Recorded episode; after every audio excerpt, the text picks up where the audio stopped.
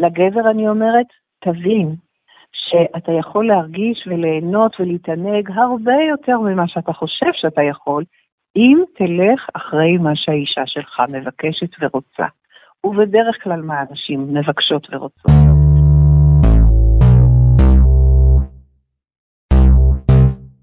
והחוויה של מי ש... של בעלת הפוט היא עכשיו ומיד. יש ממש דחיפות ורצון ובקשה של הגוף והתשוקה של הגוף להיחדר. ואם אנחנו לא מגיעים לשלב הזה, והשלב הזה יכול לקחת לו זמן אה, עד שהוא מגיע, אם אנחנו לא מגיעים לשלב הזה, ובדרך כלל רוב הנשים בתרבות שלנו נחדרות לפני הזמן. ברוכים וברוכות הבאות, אני נרקיס אלון והגעתם לפודקאסט משחקות באש. פודקאסט בשיתוף עיתון הארץ של גברים ונשים שמסכימים לשחק באש כדי לקדם את החברה בה אנחנו חיים בשלל נושאים נפיצים. הפרק הזה יעסוק במיניות נשית. נשמע עדויות של נשים משתפות היבטים מחיי המין שלהם, וננתח אותן עם נשות מקצוע. איריס יוטבת, חלוצת הטנטרה הנשית בישראל, מלווה נשים בנושא מיניות משנות ה-90, וסמדר מילר היא מורה למיניות קשובה ואהבה פרנית שביחד עם בן זוגה ליוותה תהליכים של אלפי זוגות בישראל. ביחד ניגע בשורש שגורם למיניות נשית להיות לעיתים חסומה, הטבע החמקמק של העונג הנשי, נדבר על הקשר בין החיבור של אישה למיניות שלה, ליכולת שלה לבטא את עצמה, ובמקרים מסוימים אפילו להצליח מבחינה מקצועית. נעבור לפתיח ונתחיל.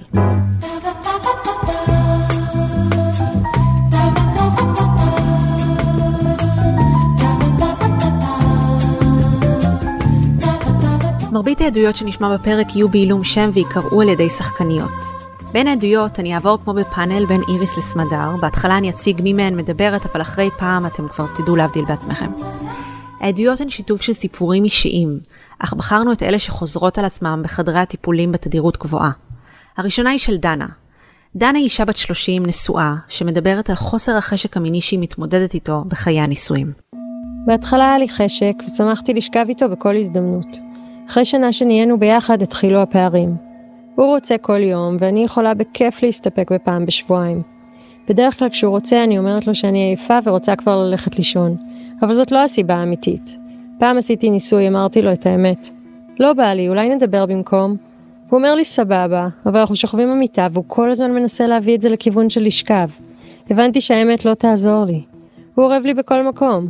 אני כבר לא יוצאת ערומה מהמקלחת, לא מחליפה בגדים לידו, לא חולמת לישון בלי תחתונים. כל דבר כזה מתפרש כמו הזמנה. אני חושבת פעמיים לפני שאני באה לחיבוק או נוגעת בו. כשאני כבר כן זורמת, אני הרבה פעמים מחכה שזה יעבור. לפעמים אני מוצאת את עצמי יורדת לו רק כדי להתחמק מהצורך לעשות סקס. לא נעים לי להגיד לו לא יותר. הוא כבר התחיל להיפגע ממני ואמר שהוא לא יכול להמשיך ככה ושאני חייבת ללכת לטפל בעצמי. שאלתי את איריס האם באמת יכול להיות שדבר כזה הוא בעיה רק של האישה, ומה יכול לגרום לחוסר חשק. בואי נתחיל מזה ש...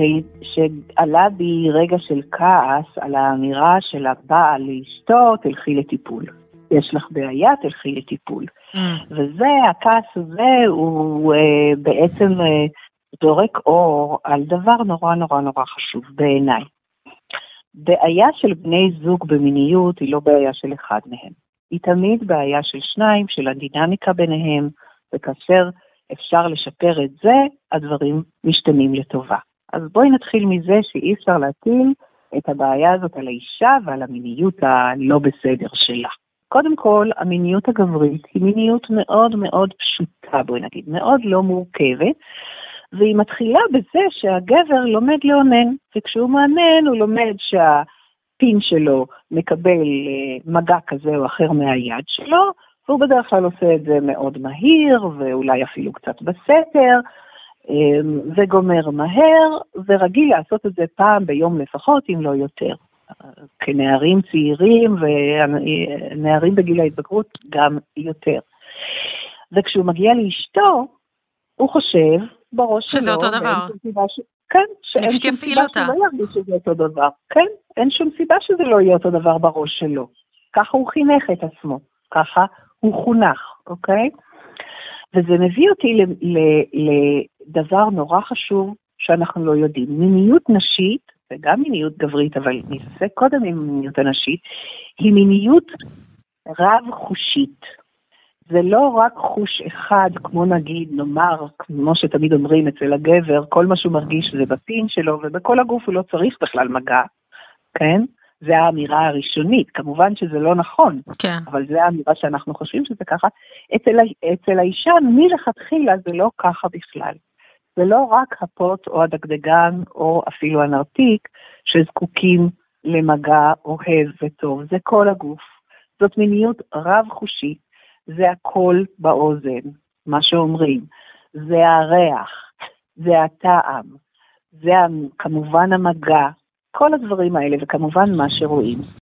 לגבר אני אומרת, תבין שאתה יכול להרגיש וליהנות ולהתענג הרבה יותר ממה שאתה חושב שאתה יכול, אם תלך אחרי מה שהאישה שלך מבקשת ורוצה. ובדרך כלל מה אנשים מבקשות ורוצות? יותר זמן, יותר איטיות, יותר מגע בכל הגוף, יותר ג'סטות וקולות ודיבורים. את הדינמיקה שדנה תיארה, סמדר דווקא ייחסה לאופי הספציפי שמייצר אקט החדירה בין בני זוג. בגדול אפשר לומר שהמיניות של האדם הנחדר אה, בקשרים מטרוסקסואליים לרוב האישה, לא תמיד, אבל בדרך כלל המיניות של האדם הנחדר, האדם הנחדר זקוק לסביבה בטוחה.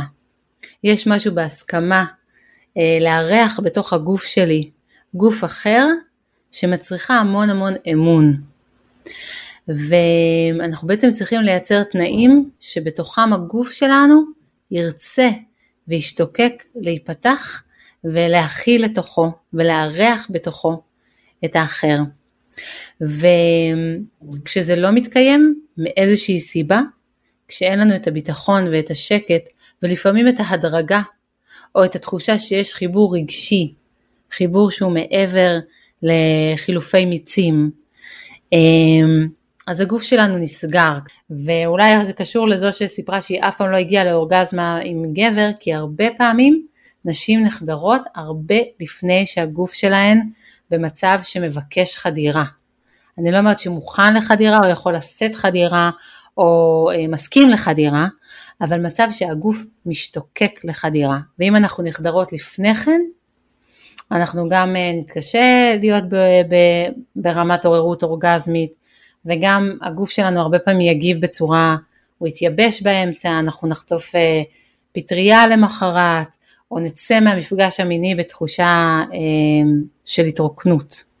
פתיחה מלאה הוא מצב שבו הווגינה שלנו כל כך מעוררת ומנופחת מרוב שהיא מלאה בדם והשפתיים הפנימיות ממש נצמדות לדפנות, היא באמת פתוחה, ממש אפשר לראות את הפנים שלה והחוויה של, ש... של בעלת הפוט היא עכשיו ומיד, יש ממש דחיפות ורצון ובקשה של הגוף והתשוקה של הגוף להיחדר. ואם אנחנו לא מגיעים לשלב הזה, והשלב הזה יכול לקחת לו זמן אה, עד שהוא מגיע, אם אנחנו לא מגיעים לשלב הזה, ובדרך כלל רוב הנשים בתרבות שלנו נחדרות לפני הזמן. חוסר התיאום הזה שקורה במיטה לא בלעדי רק לאקט החדירה, ובמקרים מסוימים הייאוש הזה מוביל נשים לוותר לגמרי על חיי המין שלהם. כך מספרת רונית, בת 40, גרושה פלוס שני ילדים שנמצאת בזוגיות פרק ב'. אף פעם לא גמרתי מגבר, היו לי ארבעה בני זוג רציניים במהלך החיים. היה אפילו אחד שלקח את זה כפרויקט אישי, אבל זה לא מתקרב לשם אפילו. נחמד לי, לא יותר. עם עצמי זה סיפור אחר. האוננות שלי קצרה כמה דקות והגעתי ליעד. זה איזשהו סיפוק כזה שאחריו אני נהיית עייפה, אבל אי אפשר לומר שזאת ממש אורגזמה. לפחות זה לא כמו איך שאחרות מתארות את זה. אני ויתרתי על זה כבר וזה לא נראה לי כל כך חשוב. יש לפעמים חודשים שאני ובן הזוג שלי לא שוכבים. זה לא נראה לי כזה ביג דיל, זה לא חלק גדול מהחיים שלי. שאלתי את איריס וסמדר, מה המחיר שנשים משלמות על ניתוק מהמיניות שלהן? וואו, שאלה חזקה, והתשובה שלי תהיה חזקה בהתאם, מאוד גבוה.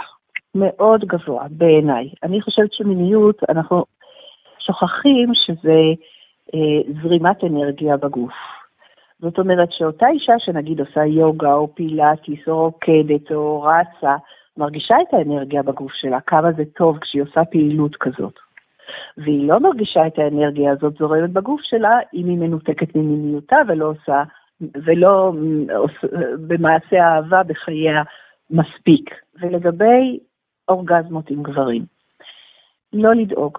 קודם כל, באמת, יש הרבה, הרבה נשים שזה לא מתאים להם לגמור עם הגבר שלהם. אבל מה שכן חשוב, ואני כן הייתי ממליצה, זה להכניס את זה למעשה האהבה הזוגי, אפילו אם את גומרת עם עצמך. לא לחכות אחרי זה שהוא כבר גמר, הלך לישון ואת הולכת לחדר אחר או נשארת במיטה, וגומרת רק בשביל להירדם. אלא עושה מזה איזשהו טקס, בוא תראה איך אני עושה את זה. דווקא בנוגע למחיר שנשים משלמות על ניתוק מהמיניות שלהם ומלא להגיע לאורגזמה, לסמדר ולאיריס הייתה מחלוקת. קודם כל, לא בהכרח מחיר כל כך כבד, ולא חייבים, אני רוצה להגיד את זה. אמ, אני חושבת שאנחנו נמצאים באיזשהו מרדף אחרי אורגזמות, אחרי השפרצות, אחרי הישגים, וככה נורא נדמה לנו שאצל כולם קורים אה, עפים זיקוקים במיטה, ויש משהו מאוד באנרגיה זכרית, אפילו במינוח הזה, להגיע לאורגזמה. אמ, יש שם משהו שמכניס את המערכת ללחץ. ולחץ הוא האויב מספר אחד של העונג הנשי ושל האורגזמיות הנשית. ואני בכוונה משתמשת במונח אורגזמיות ולא אורגזמה, שלוקחת את הדבר הזה, את הרגע הזה המאוד מובחן, המאוד חד משמעי, המאוד אה, אחד או אפס, היה או לא היה, הרגע האורגזמה הזאת ש, אה, שאפשר לכנות אותה האורגזמה הזכרית, השבריר שנייה הזה, אה, ולהציע הסתכלות רחבה יותר שמדברת על אורגזמיות, על אזור שלם של תחושתיות ושל תחושות ושל אפילו מצב תודעה שאפשר לשהות בו ולנוע בו ולחקור אותו. כשמגיעות אליי נשים כמו אה, זו ששמענו בעדות הזו, שעם התסכול הזה שהיא לא מגיעה לאורגזמה עם גבר, אנחנו מתחילות לברר למה זה חשוב, מה זה ייתן, מאיפה הגיע הרעיון שזה צריך להיות, ומה יקרה אם פשוט נניח לזה. וככל שאני מלמדת אותה וככל שהיא לומדת להיות יותר רגועה במפגש המיני, וזה קשור גם למה שדיברנו קודם על להיות רגועה עם זה שמישהו רואה עכשיו את הפוט שלי ואת הגוף שלי ואת מי שאני ולהיות רגועה עם זה שיש רגע פחות מסעיר בתוך המפגש המיני או שהמחשבות שלי נדדו, פשוט להיות רגועה עם מה שיש, זה המפתח. משם מתחיל להתגנב העונג שהוא ללא מאמץ. הדינמיקה של נשים עם גברים קורית במיטה, אבל היא מתקיימת גם בראש שלנו. העדות הבאה היא של רבית, בת 36, נשואה עם ילד, והיא משתפת בפנטזיה שלה. הז'אנר הספציפי שעליו היא מדברת נכנס למודעות שלנו עם 50 גוונים של אפור. כשאני מאוננת, אני מדמיינת שגבר שולט בי לחלוטין. אני צריכה לעשות כל מה שהוא רוצה, לבקש ממנו אישור לפני שאני יוצאת מהבית, וכל הקיום שלי הוא רק עבורו. אני ממש יכולה להבין נשים שנכנסות למערכות יחסים כאלו. אני כביכול אישה חזקה, יש לי מערכת יחסים שוויונית, והמיניות שלי ושל בעלי רגילה לחלוטין. אבל הגבר שאני מפנטזת עליו הוא פרימיטיבי, ואני הרכוש שלו, ממש סוג של קניין. וכשהוא בא הביתה, אני חייבת להיות מוכנה למין באותו רגע. והוא אומר לי משפטים להגיד ומה ללבוש, הכל, כדי שאני אתאים לצרכים שלו. אני מעוננת על זה ויכולה לגמור תוך שתי דקות מרוב שזה מדליק אותי. אבל בזמן האחרון שמתי לב שזה עושה לי כאבים באיבר המין. כאילו הגוף יודע שהוא עובר סוג של אונס. הפרק הקודם שלנו עסק באלימות כלפי נשים, ומכל העדויות עלו תיאורים מזוויעים שבהם הגבר שלט לחלוטין בכל התנועות והפעולות של האישה עד שהיא הצליחה לצאת. לא היה שום דבר אירוטי בעדויות האלה. שאלתי את סמדר איך זה יכול להיות שקיימת בכלל פנטזיה כזאת פופולרית אצל נשים? אני חושבת שזה מאוד חשוב שאנחנו מדברות על זה כי המון נשים אה, מוצאות את עצמן מאוד מתגרות מפנטזיות של אונס ושל שליטה והרבה פעמים של אלימות מאוד אה, חריפה. ותמיד נלווה לזה רגש של אשם או מוזר למה שאני ארצה דבר כזה? למה שאני אתגרה מדבר כזה? ומאוד חשוב להבהיר שלפנטזיה יש בעצם אה, כמה תפקידים. אז תפקיד אחד היא מאפשרת לנו להתמודד עם דברים שמפחידים אותנו. זאת אישה שמתגרה מאונס, ויש נשים שאומרות לי אני לא גומרת אם אני לא מפנטזת על אונס נורא נורא אלים, יכול להיות שעמוק בתוכה ברמה הלא מודעת היא נורא נורא פוחדת ממצב כזה של אונס, שהמהות שלו היא שמישהו לוקח ממני את השליטה. ואם אני מביאה את הסיטואציה הזאת באופן יזום לתוך מרחב הפנטזיה שלי, וזאת אומרת שאני יכולה גם באופן, בכל רגע, לצאת מהסיטואציה, בניגוד לאונס אמיתי, אני בעצם מחזירה לעצמי חוויית שליטה ועוזרת לעצמי להתמודד עם הפחד. אני בעזרת הפנטזיה הולכת לאזור הסכנה וגם חוזרת משם בשלום. אפשרות שנייה ושירות שני שפנטזיות אלימות עושות עבורנו, הן מאפשרות לנו להיות יותר מיניות ממה שאנחנו מרשות לעצמנו. מה הכוונה? אם מישהו משתלט עליי, מישהו פוקד עליי, אם מישהו או כופה עליי, אני רק בחוסר אונים, בחוסר של ברירה, עושה את מה שהוא אומר לי. זאת אומרת שהפנטזיה מאפשרת לי להתחבר לצד המיני החייתי הפראי בתוכי, בלי שזה יהיה על אחריותי. בתרבות שלנו שעדיין מגנה ומעבירה מסרים מאוד שליליים לנשים שמחוברות ליצריות המינית שלהן, זה יכול להיות סידור נוח. זה מאפשר לי להישאר אישה מעוגנת, מהוגנת סליחה, ונורמטיבית, ולשמר את הדעה הטובה על עצמי, כיוון שבפנטזיה לא אני זו שיוזמת את הברוטליות, את החייתיות, את המשחקיות במפגש המיני. נוכל לדבר עוד שעות רבות על הדינמיקה בין גברים ונשים ואיך היא צריכה להשתנות כדי לשפר את החוויה של האישה במיטה. אבל נעבור לדבר עכשיו על הדינמיקה של נשים אל מול עצמן, ואיך היא משפיעה על החוויה שלנו. אבישג היא בת 25 בזוגיות, וזה מה שהיא מספרת. כשחבר שלי מנסה לבצע בי מינורלי, אני תמיד מזיזה אותו. אני לא מסוגלת שהוא ייגע בי שם, לא ככה. בכלל, אני הרבה עצורה ומתוחה במיטה. ראיתי פעם הרצאה שהמליצו שמשהו שיכול לעזור לאנשים להשתחרר זה לעשות שלום עם הגוף ולהכיר את איבר המין שלהם. אז התחלתי לעשות סשנים כמו שדיברו בהרצאה, שאני יושבת מול המראה ומסתכלת על איבר המין שלי. אבל אני נגאלת מלהסתכל. אני יושבת מול המראה ומנסה להגיד לעצמי תוך כדי שזה נורמלי, איך שהיא נראית, שזה גוף האישה, אבל גם אז אני פשוט לא מסוגלת להחזיק יותר משלוש שניות. אבישג אינה חריגה. רוב הנשים לא מסתכלות על איבר המין שלהם, ולהרבה מאיתנו יותר קל להסתכל על איבר מין זכרי מעל זה של עצמנו. הוא גם הרבה יותר מוכר לנו במדיה מאיבר המין הנשי, והוא גם הרבה פחות מורכב. What you see is what you get. שאלתי את איריס עד כמה זה חשוב באמת שנכיר את איבר המין שלנו בשביל החוויה המינית שלנו, ואיך אפשר לעשות את זה בכלל. אני חושבת שזה בעל חשיבות עליונה מאוד, מכמה סיבות.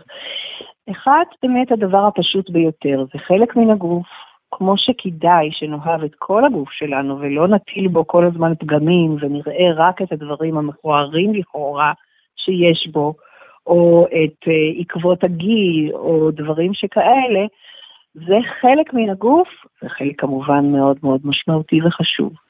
אז להכיר אותו, להסתכל בו, בה, בפוט, אני אוהבת לקרוא לה דווקא בשם uh, נקבה, התרגיל הזה של להסתכל הוא לא מספיק כי אז עולים הדברים הקשים. הדבר הנוסף שהייתי מציעה לה זה לכתוב מין אה, דיאלוג כזה ביני לבין פותי. מה אני אומרת לפותי? את מכוערת, את מסריחה, איך זה יכול להיות, איך אפשר לאהוב אותך בכלל וכולי, ואז לתת לה את הקול לדבר אליי. טוב מאוד שאת כבר שמה לב אליי, אני כבר 20 שנה רוצה שתשימי לב אליי ולא שמת לב אליי.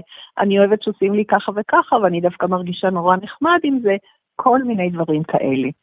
אז ההיכרות איתה היא מעל לכל. בנוסף לזה, יש היום מחקרים מאוד מעניינים שמראים שכל אזור הפוט, כולל כמובן הדגדגן, שהוא הרבה יותר גדול ממה שנראה לעין, אה, יש בה עצבוב עצום הרבה יותר מערכת עצבים עם הרבה יותר עצבים מאשר באזור הפין של הגבר והשכב. זאת אומרת ש... והעצבים האלה הרי מחוברים אלינו דרך עמוד השדרה אל המוח. זאת אומרת שיש קשר מאוד חזק בין כל דבר שקורה בפוט שלנו לבין המוח שלנו כנשים. ויש אה, ספר מאוד יפה של נעמי וולף שנקרא ביוגרפיה של הפוט, באנגלית, הוא לא תורגם לעברית לצערנו, והיא טוענת שהרבה נשים מרגישות הרבה יותר יצירתיות, חכמות, נבונות, מצליחות, כשהן נותנות תשומת לב טובה ואהבה וחיבה אל הפוט שלהן. מכיוון... וואו, איזה מעניין. כן, מכיוון שזה עובר דרך העצבים אל המוח, ואז המוח הופך להיות הרבה יותר, מה שנקרא, שמח לעבוד ויצירתי. אז כדאי לך להשקיע בפוט שלך. איריס מעודדת אותנו להשקיע בפוט, אבל אם זה מרגיש לכן רחוק כרגע, תחשבו על המחיר שאנחנו משלמות על לסלוד ממנה. אם אנחנו סולדות מאיבר המין של עצמנו, כמובן שנסלוד גם מהווסת, מההיריון, מהלידה, תהליכים מרכזיים בחיים של הרבה מאיתנו כנשים. במקום שנחכה לעידן בו גברים יתחילו להתייחס אלינו ברגישות המתאימה לנו, נשאלת השאלה, איך המיניות שלנו יכלה להיראות אם היינו עושות את הצעד הראשון בעצמנו על ידי קבלת הגוף שלנו? הרבה מהעדויות ששמענו היום היו עם ניחוח מאתגר. היה לי חשוב לסיים עם עדות שמכילה עונג, קבלה של הגוף, דוגמה לאיך מיניות נשית יכולה להיראות. העדות היא של אביגיל רוטלב, שהיא היחידה שחושפת את השם האמיתי שלה ומדברת בקולה האמיתי. התגלית של השפיכה הנשית קרתה לי בגיל 22. זה קרה במפגש עם גבר שלא היה מיוחד או שונה, אבל ברגע שהמעיין נפתח הוא רק המשיך לנבוע. למדתי איך לנשום בצורה עמוקה ולהניע את הגוף. הבנתי מים מולטי אורגזמיות. כאשר אני מאוד מגורה, אני מרגישה את המים מתהווים בתוכי. הפות שלי מתמלא מבפנים ולחץ עדין ונעים נוצר. הפות שלי מבחוץ נהיית רטובה ונעימה, מתרחבת לתוך העונג. אני מעודדת מעגל העוררות והעונג על ידי כיווצים והרפיה של הפות. הכיווצים דואגים להמשיך להזרים דם ולהמשיך להעלות את האנרגיה המינית שבתוכי. אין לי מרוץ אחרי אורגזמה או פורקן כבעבר. אני כבר יודעת איך ליהנות מהאנרגיה הזורמת בכל גופי. מהארוס הנע בעדינות, אך מרגיש שמימי. אין לי צורך להגיע לשיא ולרדת חזרה למטה. זוכרת מפגש מיוחד עם גבר חדש בחיי. גבר שמאוד אוהב לענג נשים. עם הזמן הוא ממש הכיר את כל הכפתורים בגוף שלי. איך נשיכות בצוואר פותחות את מערכת העצבים שלי, ונשיקות בעורף ובאוזניים מתחילות להזרים באנרגיה מינית. הגוף פשוט נפתח ורצה עוד ועוד ועוד. הוא ירד לאט לאט לאזור השדיים, ואז המגע התחיל באזור הדגדגן. התחיל לאט, ואז נראה קצת יותר חזק וקצת יותר קשה. הגוף שלי התפתל מעונג, ונשמתי עמוק, נותנת לאנרגיה שעולה עוד ועוד מקום בתוך הגוף שלי. צריך מקום כדי להכיל את כל העונג. ככל שהעונג המשיך, אני הרגשתי שהמים בתוכי כבר רוצים לצאת. דוחקים ומבקשים לנבוע החוצה ממני. ככל שהעונג המשיך, המשכתי לכווץ ולהרפות את השרירים, עד שכבר לא היה לי שליטה, והמים פשוט נבעו ממני. נשמתי מהר ועמוק, נותנת לחמצן למלא את גופי. האזור של הג'י התרחב והעונג פשוט היה שמימי. כל הגוף שלי באקסטזה מטורפת של עונג שאין כמותו. כך טוב ועמוק ומרטיט שגם לי קשה לשאת את זה.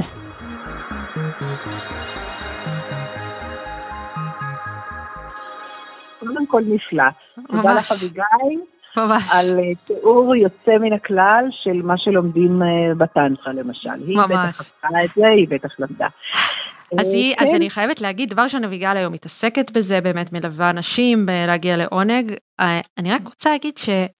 אמ, למה זה, דבר ראשון, למה קשה לנו להכיל עונג? אפילו אביגיל מתארת שקשה לה להכיל וזה משהו שהיא, שהיא עוסקת בו, ולמה העונג הנשי כל כך חמקמק בעצם? כן. אז השאלה השנייה קצת יותר קל לי, הוא חמקמק, העונג חמקמק, אה, רק בגלל שאנחנו לא יודעות לנשום עמוק. רק בגלל שאנחנו לא נושמות עמוק מספיק ונותנות למוח שלנו להתחיל לספר סיפורים. הוא חמקמק בגלל שאת חושבת פתאום, רגע, איך אני נראית ככה, איך אני אתפתל ככה. הוא חמקמק בגלל שפתאום אה, משהו מטריד אותך בראש. הוא חמקמק בגלל שאת לא נושמת עמוק כל הזמן. יש אמירה מאוד יפה, באנגלית זה נשמע קצת יותר טוב, שחוויה ordinary עם נשימה עמוקה הופכת להיות extraordinary. חוויה רגילה הופכת להיות מאוד מיוחדת. היא תיארה איך האנרגיה הזאת של העונג זורמת לה בכל הגוף, וזה בזכות הנשימות העמוקות. ההתמסרות לתוך נשימה עמוקה היא יחד עם הקיבוצים וההרפיות, בדיוק כמו שהיא תיארה, אין לי מה לחזור על זה שוב, זה דבר נפלא. טוב, קודם כל אני מחייכת פה מאוזן לאוזן, אה, גם כי כיף לשמוע תיאור כזה, וגם כי היא תיארה כל כך מדויק משהו שאני מרגישה, אני אף פעם לא שמעתי תיאור כל כך יפה ומדויק ומפורט של, אה, של חוויה מינית שלמה ועמוקה ושל של השפיכה הנשית, אז אה, כזה, אחותי, כיף, לשמוע, כיף לשמוע את זה ככה. צריך מיכל בשביל העונג, ובואי נפשט את זה רגע. אנחנו מדברים על כמות גדולה של אנרגיה שזורמת בתוך הגוף שלנו. מהי אורגזמה? האורגזמה הרגילה במרכאות השנייה הזאתי, זה רגע שכמות האנרגיה של העונג בגוף היא גדולה מכפי שאנחנו יכולים להכיל אותה ואנחנו יורים אותה החוצה. Mm. האורגזמיות היא היכולת שלנו לא לראות אותה החוצה, למה היא נושמת עמוק, למה היא מכווצת השרירים, שרירים, למה היא מניעה אנרגיה בגוף, כדי לתת עוד מקום לעוד אנרגיה, אחרת היא מן הסתם הייתה גומר, מגיעה לאורגזמה והסיפור היה נגמר. היכולת הזאתי כל פעם להרחיב את הכלי ובאמת בכל מפגש שאנחנו עושים, אנחנו לא רצים אחרי האורגזמה, אלא דווקא המלצה שלי, תברחו מפני האורגזמה. רואים אותה מגיעה, קחו כמה נשימות, תורידו רגע את האנרגיה, תנו לעצמכם להיות עוד במרחב העונג. זה אבסורד הריצה שלנו אחרי האורגזמות, זה נגד הכיוון. אנחנו לא מתפתחים מבחינת סיבולת העונג שלנו, וכן, גם עונג זה סיבולת, זה ברגע מסוים נהיה במרכאות בלתי נסבל, ואז אנחנו זורקים את האנרגיה החוצה. וכן, אני מאמינה ש... אני לא חושבת שהיא נרתעת מהעונג שלה, כמו שבכל פעם, בתוך תהליך כזה, אפשר להגיע בכל פעם לקצה גבול הסיבולת שלנו ולהרחיב אותו. אסיים בעדות אישית שלי. אני זוכרת את הפעם הראשונה שחוויתי אורגזמה. זה היה בגיל 26. זה היה אחרי הצהריים. ואני זוכרת שהתפרץ לי צחוק בלתי נשלט, שהרגשתי תחושות שאף פעם לא הרגשתי. אני זוכרת שהבן זוג שלי שאל, למה את מכסה את הפנים שלך עם הידיים? בלי ששמתי לב שזה מה שאני עושה, קלטתי שאני בעצם מובכת. כי זאת הייתה הפעם הראשונה שבאמת הרגשתי עונג. העונג הזה שחוויתי היה כל כך עמוק, שאחרי זה שעות הסתובבתי עם ביטחון ועוצמה, ממש מקורקעים בתוך הגוף שלי. אני כל אותו יום לא הפסקתי לחייך. זה המשיך, אה, זה היה כבר אחרי הצהריים, אבל זה המשיך 24 שעות. האנשים שפגשתי אמרו לי שאני זורחת, שאני נראית נפלא, וכשעבדתי יום אחרי זה הייתי פרודוקטיבית בצורה שלא הכרתי. זאת הייתה הגרסה הכי טובה שלי שאני מכירה, כאילו היה עליי איזשהו מתג ומישהו הדליק אותו. בדומה להרבה נשים, לפני כן סלדתי מגופי, עברתי הטרדות מיניות, ואף פעם לא קיבלתי את הכלים כדי לגשת בצורה ישירה למיניות שלי. הייתי בטוחה שכדי להיות בטוחה, אני צריכה לא לגעת בנושא הזה. אני זוכרת שחשבתי באותם ימים, אם למיניות יש כל כך הרבה ערך בחיים שלנו כנשים, איך זה יכול להיות שאף אחד לא מלמד אותנו להשתמש בה? ככה החלטתי שאני רוצה להמשיך לחקור את הנושא ולהנגיש אותו לנשים נוספות. שאלתי את איריס וסמדר, שאלה אחרונה, איך נראים החיים של האישה הדלוקה שמחוברת למיניות שלה? בעצם אה, המקום הזה שמאפשר הרפייה של האגן והרפייה של הפוט והמעבר הזה של המון אנרגיה ולהרגיש בנוח עם הגוף שלנו, בעצם מאפשר לנו, ל... מאפשר להרבה יותר אנרגיה להיות בגוף שלנו ומאפשר לנו להיות הרבה יותר אנרגטיות באופן כללי. זאת יותר אנרגיית חיים, אנחנו יותר ערניות, יותר נועזות, יותר מעיזה להוציא דברים לפועל, יש לי יותר יכולת להתמיד, יותר יכולת לקחת רעיונות ולהוציא אותם לפועל, יותר התלהבות, יותר תשוקה, יותר שמחת חיים. אמ, אני מתארת לעצמי שזה גם, אין לי נתונים על זה, שזה גם נורא בריא. כי באמת אנרגיה זורמת בכל, מגיעה לכל תא ותא בגוף, משהו מרגיש מאוד מאוד בריא וחיוני וחי. יש לנו הסכמה, מי שמסכימה לגעת במיניות, לחקור אותה, זה מפחיד. מי שמעיזה ללכת למקום הזה, יש לה אחר כך יכולת אחרת להשתתף במשחק החיים. שהוא מורכב, שהוא קשוח לפעמים, שהוא לא רק אה, פרפרים ופרחים, ממש לטבול את הידיים לתוך הבוץ הזה של החיים ולעבוד איתו וליצור. המשמעות זה שיש דור חדש וטוב של נשים שהולכות עם המיניות שלהם לאן שהן רוצות, שהן יודעות טוב מאוד מתי צריך להגיד לא, כלומר שדורות חדשים כאלה של נשים צעירות שמשתחררות מינית ונותנות לעצמם להרגיש את העונג הזה עוד ועוד ועוד ועוד, ולא להתבייש בגופן, גם אם הוא רזה מדי או שמן מדי או גבוה מדי או נמוך מדי או כל מיני כאלה שטויות, אלא להרגיש, זה גופי, אני אוהבת אותו, הפוט שלי נפלאה, אני אוהבת אותה, אני נותנת לעצמי להרגיש את זה עוד ועוד ועוד, זה מהפכה עצומה. והייתי מוסיפה עוד דבר אחד, אין מיניות נשית אה, טובה, או אה, אולי אני אומר את זה אחרת, יש מיניות נשית טובה גם בלי גברים, אבל הייתי מעדיפה לראות את החברה שלנו, שגם לגברים תהיה, תהיה מיניות גברית חושית טובה. ואז הם ייגשו לאישה בלי כוחניות, בלי אלימות, אלא מתוך פשוט אה, מצב של חיבה, אהבה ותשוקה. תודה רבה שהייתן איתנו. אתם מוזמנים להצטרף אלינו לקבוצת הפייסבוק שלנו משחקות באש, שם תוכלו לשתף את דעתכם ולהמשיך את הדיון. ערכו את הפרק מאיה בניסן ואמיר פקטור, עיתון הארץ שותף להפצת הפודקאסט, ניפגש בפרק הבא ונמשיך לנהל את הדיון על יחסים בין גברים ונשים והתנהגות מינית.